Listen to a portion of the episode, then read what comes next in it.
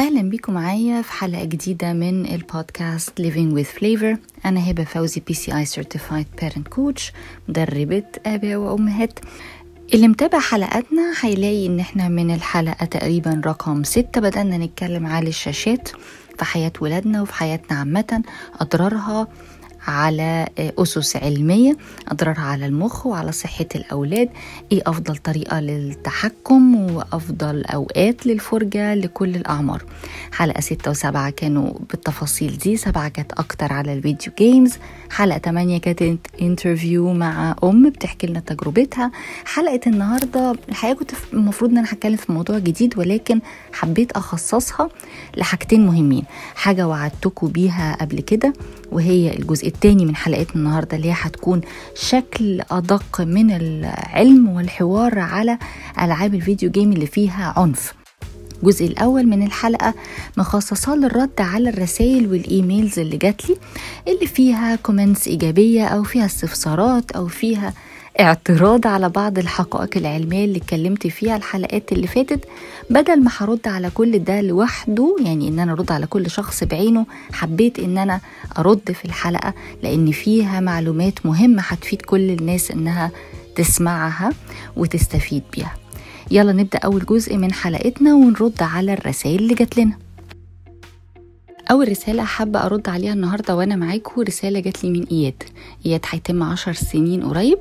هركز على رسالة إياد في ثلاث نقط قالهم. حابة أرد عليهم وأعلق عليهم إن هو ما شاء الله عنده درجة وعي وإدراك باللي حواليه. بالنسبة لسنه تعتبر عالية جدا ما شاء الله. أول نقطة إن إياد قال في رسالته إن هو بيسمع الحلقات واستفاد من حلقة الشاشات في الجزئية بتاعة الفرق ما بين تشتيت التركيز اللي بتعمله لنا الفرجة كتير على الشاشات أو إن عينينا تبقى باصة في شاشة كتير وعلى فكرة ده بينطبق على كل الحاجة على كمبيوتر على آيباد على تليفون سواء بنلعب سواء بنتفرج على التلفزيون. فعلق على الفرق ما بين تشتيت الانتباه وتركيز الانتباه إنها حاجة بينصح الناس إنهم يركزوا فيها وما يخلوش الجزئية دي تركز على مخهم لأنها مضرة. تاني حاجة إياد ذكرها في رسالته إن هو بيلعب فيديو جيمز على فترات متباعدة وهو مدرك قوي وفاهم قصة الإدمان اللي إحنا اتكلمنا فيها ومقتنع بيها وبيقول أنا بلعب على فترات بعيدة عن بعضها. عايزاك يا اياد تكمل سماع الحلقة للآخر لأن هرد على جزئية إن في سنك اللي هو سن عشر سنين بيبقى مفيش attachment قوي للعبة مفيش يعني تواصل جامد بينك وبين اللعبة وبنفتكر إن ده هيبقى حاجة مستمرة معانا. فكمل سماع وهتعرف ليه أنا عايزاك دلوقتي تبطل. ما تستناش شوية كمان. لأن أنت أنا متأكدة إن أنت في في حياتك activities ونشاطات كتير مالية حياتك أهم هتكون بالنسبة لك من إنك تلعب. تالت حاجة حابة أحييك عليها هي ال assignment أو ال paper اللي أنت بعتها لي اللي كتبتها للمدرسة.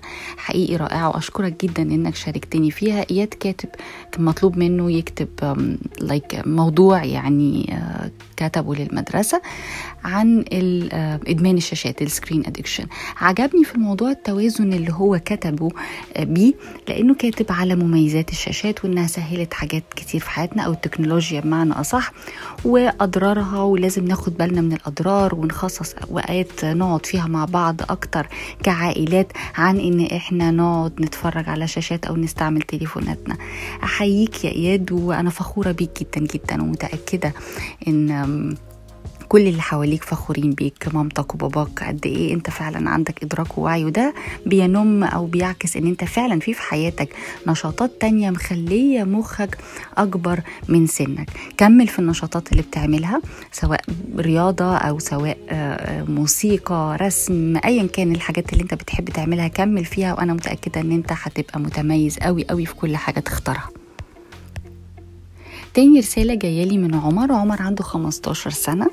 عمر سمع حلقة ال screens الاثنين وبيتكلم يعني بأدق على حلقة ال video games وقال أنا فعلا بحس بكل اللي سمعته في الحلقة ومعترف بده وقعدت مع مامتي وبابايا وقررت إن أنا هعمل نظام مختلف لحياتي. مبسوطة بيك قوي يا عمر وعجبني اللي جاي كمان اللي هقوله دلوقتي من رسالتك إن عمر قال أنا بس التحدي اللي مقابلني دلوقتي هو الناس اللي حواليا واصحابي لأن طبعا كلهم بيلعبوا فأول لما بدأت أقول لهم إن أنا هبطل ألعب في شوية تهكم واعتراض منهم. هو ده اللي هيكون بالنسبة لي التحدي لكن أنا بلعب رياضة فأنا هخصص وقت أكتر لرياضتي وأبتدي أشوف اكتيفيتيز تانية ونشاطات أعملها في وقتي. ومامتي وبابايا هيساعدوني في ده لأن التحدي أنا عارف ان هو مش سهل بس أنا مقتنع إن أنا عايزة أغير شكل حياتي. قد إيه أنا فخورة بيك يا عمر وقد إيه أنا فخورة بمامتك وباباك كمان الحقيقة؟ لأن عشان أنت توصل لمرحلة الصراحة الكاملة دي ده معناه إن أنت عايش في بيئة في البيت مهيئه لك الحوار والصراحة ومفيش ضغط عليك مفيش جادجمنت طول الوقت. فده شيء رائع وبشجع كل الأهل فعلا إن هم يعملوا زي مامة وبابا عمر إحنا نقعد مع أولادنا ونسمعهم يتكلموا ويقول رأينا ويقول رأيهم. فيبقى الحوار رايح جاي علشان نوصل لقناعات فعلا اللي إحنا عايزين الولاد يقتنعوا بيها. شكرا يا عمر وأنت حقيقي قدوة جميلة لكل اللي زيك وبالتوفيق يا رب في أي حاجة تعملها في حياتك. نيجي للرسالة اللي بعد كده. الرسالة الجاية اللي حابة أشارككم معايا فيها فيها نقطتين مهمين. هي جايلي من أب بيقول إن أنا أفضل إن ابني يكون قاعد في البيت بيلعب ال online video games قدامي ويدمن ال video games بنصه كده أفضل من إن هو يدمن حاجة تانية بره وأنا مش عارف هو فين وبيعمل إيه. تاني comment عنده أنا همسك النقطة دي طبعا هتكلم فيها. تاني comment عنده إن أنا شايف إن ابني كويس قوي في اللعبة ومتميز فيها عن ناس كتير قوي فليه لأ؟ ليه ما سيبهوش يلعبها؟ طيب همسك النقطة الأولانية اللي حضرتك اتكلمت فيها وقلت إنه يدمن ده أفضل من إدمان حاجة تانية وإنه قدامك في البيت. هو الحقيقة مش قدامك هو لو في أوضته خلف الشاشة فهو عايش في العالم الفيرتشوال ده. اللي بيحصل فيه حاجات كتير الولاد بيعيشوا حياة افتراضية بيتكلموا كلام وبيقولوا حاجات مختلفة عن اللي ممكن لو هم عايشين في حياة عادية ما يقولوهاش. حضرتك افترضت إن الولد لازم يبقى مدمن لحاجة إنه يدمن ده عن إنه يدمن حاجة بره دي فيها خطورة. هو ليه نحط افتراضية إن الولاد لازم يكونوا مدمنين لشيء؟ أنا عايزة أستبعد خالص افتراضية الإدمان. الإدمان ده شيء صعب جدا. هو لو مدمن النهارده فيديو جيمز وبيلعبها كم الدوبامين اللي بتديهوله اللعبة النهاردة مش هيبقى كافي بكرة. فهيبتدي يدور على حاجة تانية تديله نفس كم الدوبامين. وده اللي هعلق فيه برضو على رسالة جاية تانية بعد الرسالة دي.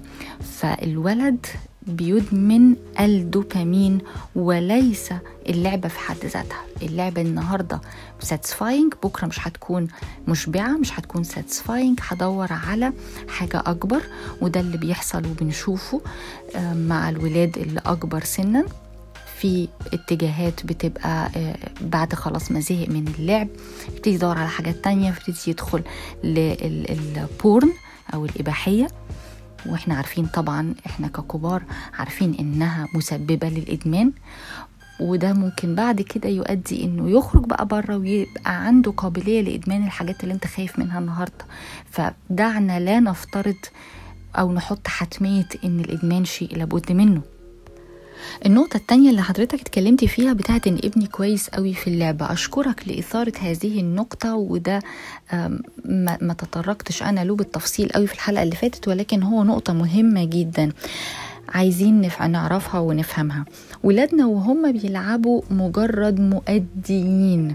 فابن حضرتك مؤدي جيد وليس مبدع أو مخترع.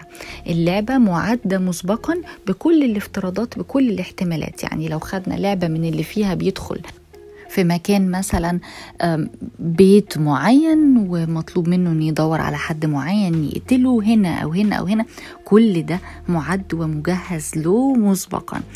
وده طبعا من شطارة الديفلوبرز بتوع اللعبة إنه يخلي الشخص اللي قاعد بيلعب بيفتكر نفسه إنه هو صاحب الإنجاز ولكن هو طبعا لا ينجز شيء غير إنه بينفذ الخطة الموجودة. آه يعني أتمنى أكون وضحت لحضرتك النقطتين اللي اتكلمت فيهم في رسالتك وأكون وضحت لكل الناس اللي بتسمعنا لو عندهم طبعا نفس التساؤل.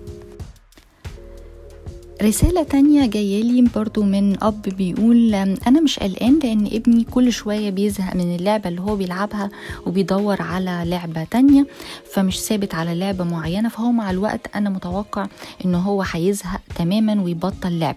هل افتراضي صح أو غلط؟ أولا أشكرك على إنك نهيت رسالتك بسؤال لأن هو فعلا نقطة مهمة جدا. لأ هو مش هيقف تماما. لأن مجرد إن هو بيسيب لعبة وبيروح للتانية دي برضو فيها خطورة إن كم النشوة والسعادة وال happiness اللي بتحصل في دماغه وكم الدوبامين اللي لسه كنت بتكلم عليه وشرحته طبعا بالتفصيل في حلقة سبعه أصبح غير مشبع له. أصبح غير كافي فهو بيتميز في اللعبة دي وبيروح للعبة التانية. وبعدين يسيب اللعبة دي ويروح للعبة غيرها. فده خطورته مش لطيفة لأن زي ما قلت وأنا بجاوب السؤال اللي فات ممكن يدخلني في حتت أخرى. يحاول الولد يدور على إشباع للنشوة وللشعور بالسعادة اللي هو بيدور عليه في حاجة أبعد من كونها بس اللعب. فبالتالي لأ نبحث له عن حاجات خارج الحياة الافتراضية. خلف الشاشة وده هيكون أفضل بكتير. نقطة مهمة قوي برضو حابة أوضحها هنا.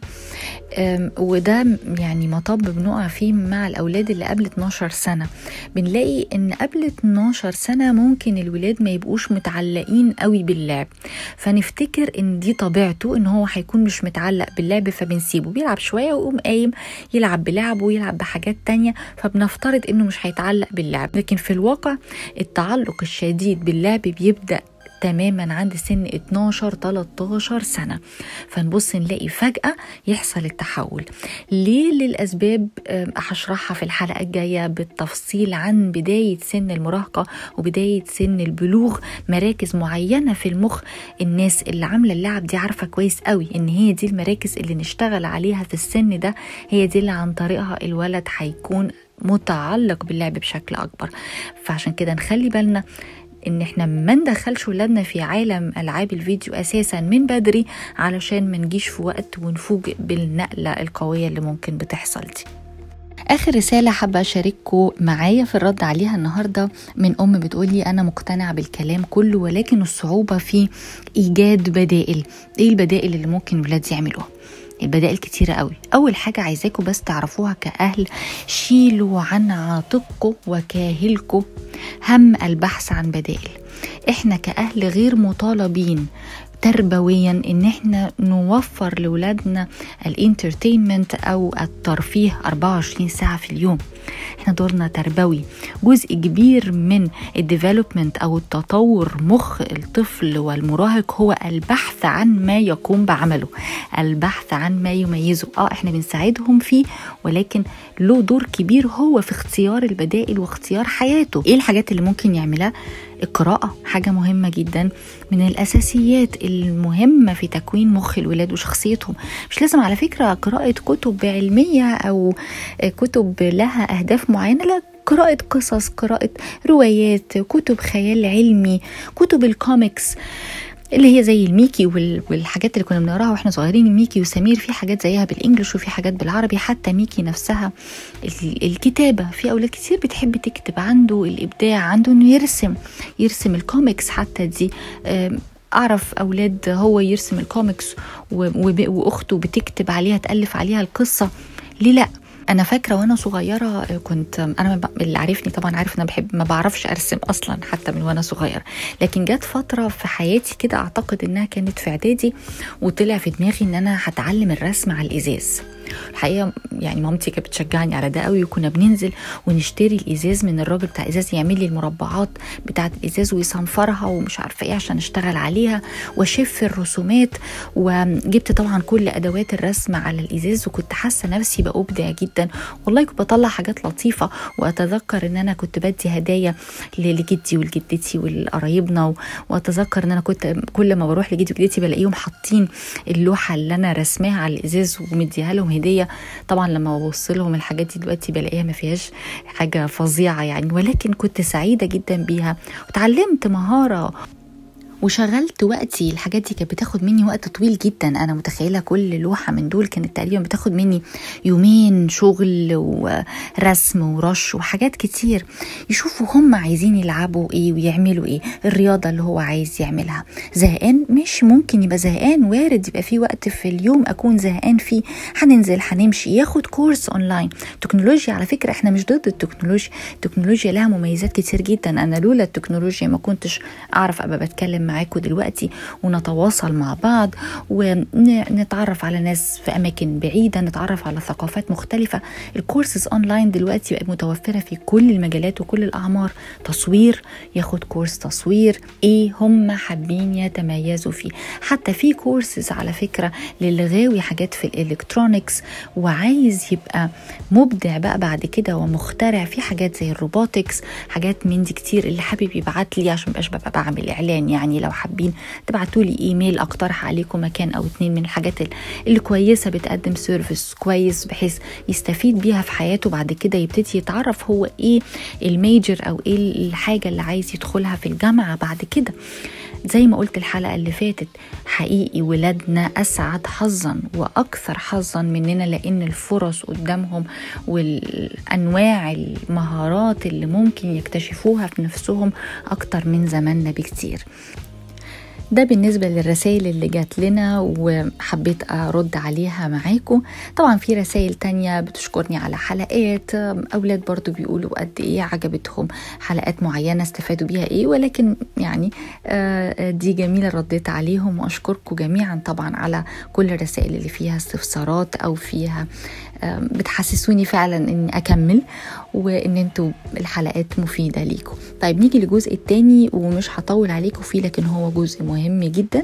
زي ما قلنا هنتكلم على بعض النقاط المهمة اللي لازم نعرفها في ألعاب الفيديو العنيفة. ألعاب الفيديو التي تتصف بالعنف أو violent video games زي إيه؟ زي Call of Duty, GTA, Fortnite, uh, World of Warcraft, PUBG واللي هي على فكرة سنها المفروض 17 سنة ومؤخرا Among Us اللي هي اوريدي كانت موجودة من سنة 2018 ولكن شايفين ولادنا كتير بيلعبوها اليومين دول. على فكرة هي أول ما ظهرت كانت 16 سنة وبعدين مؤخرا السنة دي بقت تسع سنين وتحولت إلى ال title بتاعها بقى fantasy violence ليه اخترت أخصص جزء مخصوص للألعاب دي؟ لأن فيها ضرر زايد عن بقية الألعاب. إحنا متفقين واتفقنا قبل كده خلاص إن ألعاب الأونلاين كلها تتصف بالسلوك الإدماني وقلنا ده واتكلمنا فيه بتفاصيل واتكلمنا شوية على الضرر الجسدي. ولكن هنا حابة أخص الألعاب دي كلها وأشرح لكم أضرارها على سلوك الأولاد وأضرارها على نفسيتهم وعلى صحتهم الجسدية. هبدأ أول حاجة بتأثيرها على السلوك. أما الطفل أو المراهق بيتفرج على أفلام عنف كتير طبيعي وإحنا عارفين إنه بيبقى عنده سلوك عنيف. فما بالكم لما يكون هو جزء متفاعل مع العنف ده لما يكون بيلعب اللعبة اللي فيها العنف. ده مش بس كده ده هو اللعبة بتعمل مكافأة للقتل. اللي هي بنسميها rewarding the dysfunctional play أو مكافأة اللعب اللي فيه خلل أو الغير سوي أو الغير سليم. إنه لما بيقتل بيكافئ بياخد points بيطلع ل level أعلى. فدي أول حاجة ظاهرة بنشوفها في حياتنا وفي حياة الأولاد دلوقتي في المدارس وفي النوادي وفي البيوت. أسهل حاجة العنف أسهل حاجة دي. عند أبسط مشكلة بتحصل بينه وبين زميله بيقوم ضربه. يعني ودي ما حدش يقدر ينكرها إنها موجودة بكثرة جدا. فده أول حاجة في التأثير على السلوك. سلوك الأولاد بقى يتصف بالعنف. تاني حاجة البولينج أو التنمر اللي أصبح برضو ظاهرة وبنحاول نحاربها بس الحقيقة إحنا بنحارب الظاهرة لكن لازم ندور على جذور المشكلة. جذور المشكلة هي ألعاب الفيديو العنيفة الجماعية لأن هي الجيمز اللي إحنا بنتكلم عليها دي اسمها يعني المصطلح العلمي بتاعها MMORPG اختصارا ل Massively Multiplayer Online Role Playing Game.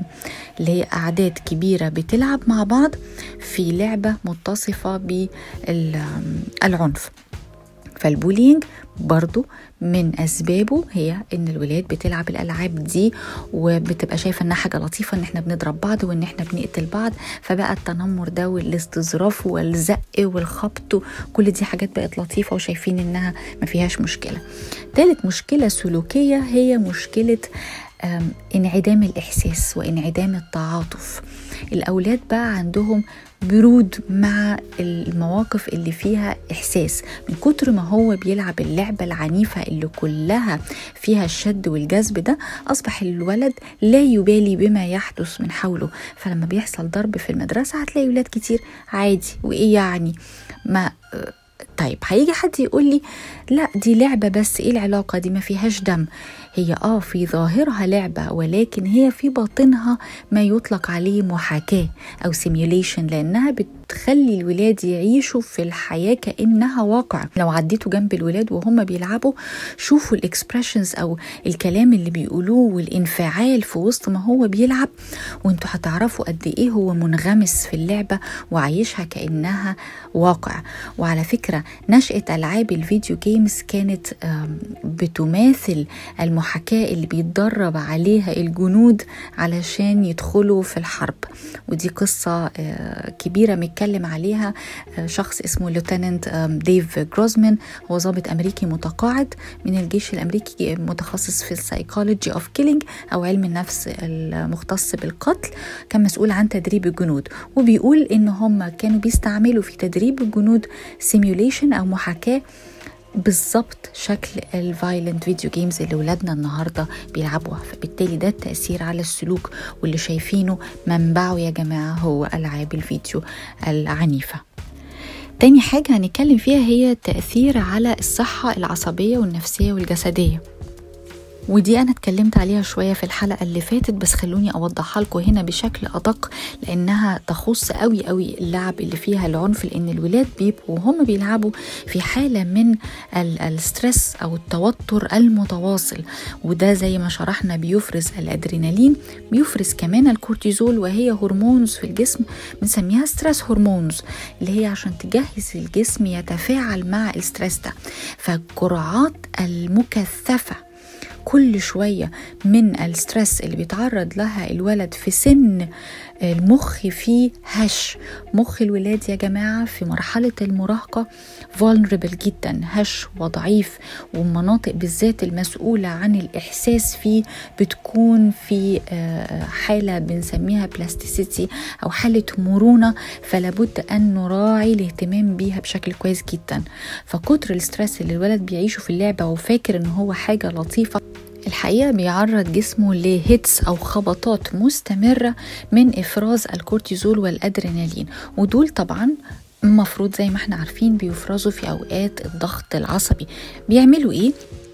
بدورهم بيعلوا ضغط الدم زي ما شرحنا المرة اللي فاتت وبيعلى نسبة الجلوكوز في الدم فالولاد يبقوا عرضة لأمراض جسدية في سن بدري.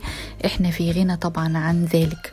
طيب الناحية النفسية والعصبية طبيعي أي إنسان بيبقى تحت ضغط لفترات طويلة من اليوم بشكل متكرر يوميا ده بيؤدي للأسف لأمراض نفسية. فبنلاقي دلوقتي عيادات الأمراض النفسية ممتلئة بالمراهقين.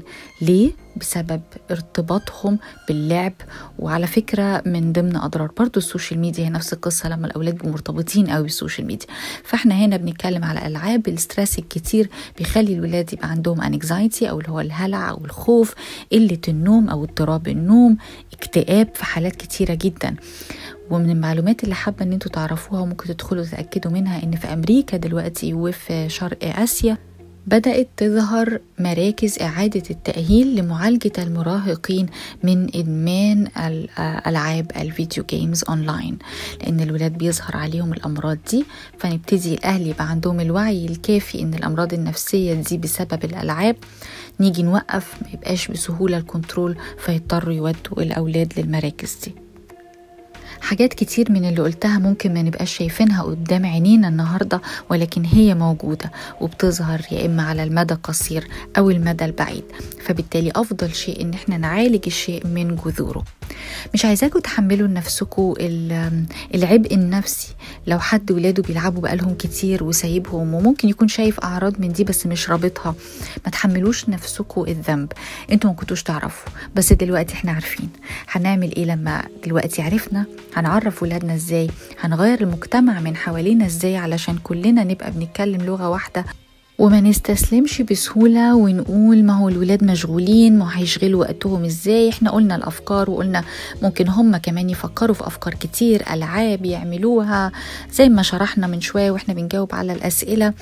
بلاش نيأس بلاش نفتكر إن الألعاب دي أو أي مسك للتليفون هو شغل للوقت. لأ هو الضرر بتاعه أكتر بكتير قوي قوي قوي من الشغل الوقت اللي إحنا متخيلينه صحي لأن الولاد ساكتين أو بعيد عننا أو مش بيطلبوا طلبات. خلينا نحط إيدينا في إيدين بعض ونشتغل على الموضوع ده وبإذن الله نقدر نعمل تغيير في مجتمعنا. أتمنى تكونوا استفدتوا من حلقة النهارده واستنوني الأسبوع الجاي في حلقة جديدة عن الفرق ما بين الطفولة والمراهقة وإزاي نخلي سن المراهقة سن رائع لنا ولولادنا وزي ما بنسميه يبقى سن الفرص مش سن المشاكل. اعملوا subscribe علشان لما تنزل الحلقة الجديدة يجي لكم بيها ايميل واعملوا follow للإنستغرام أو الفيسبوك pages parenting with flavor. شكرا لحسن استماعكم.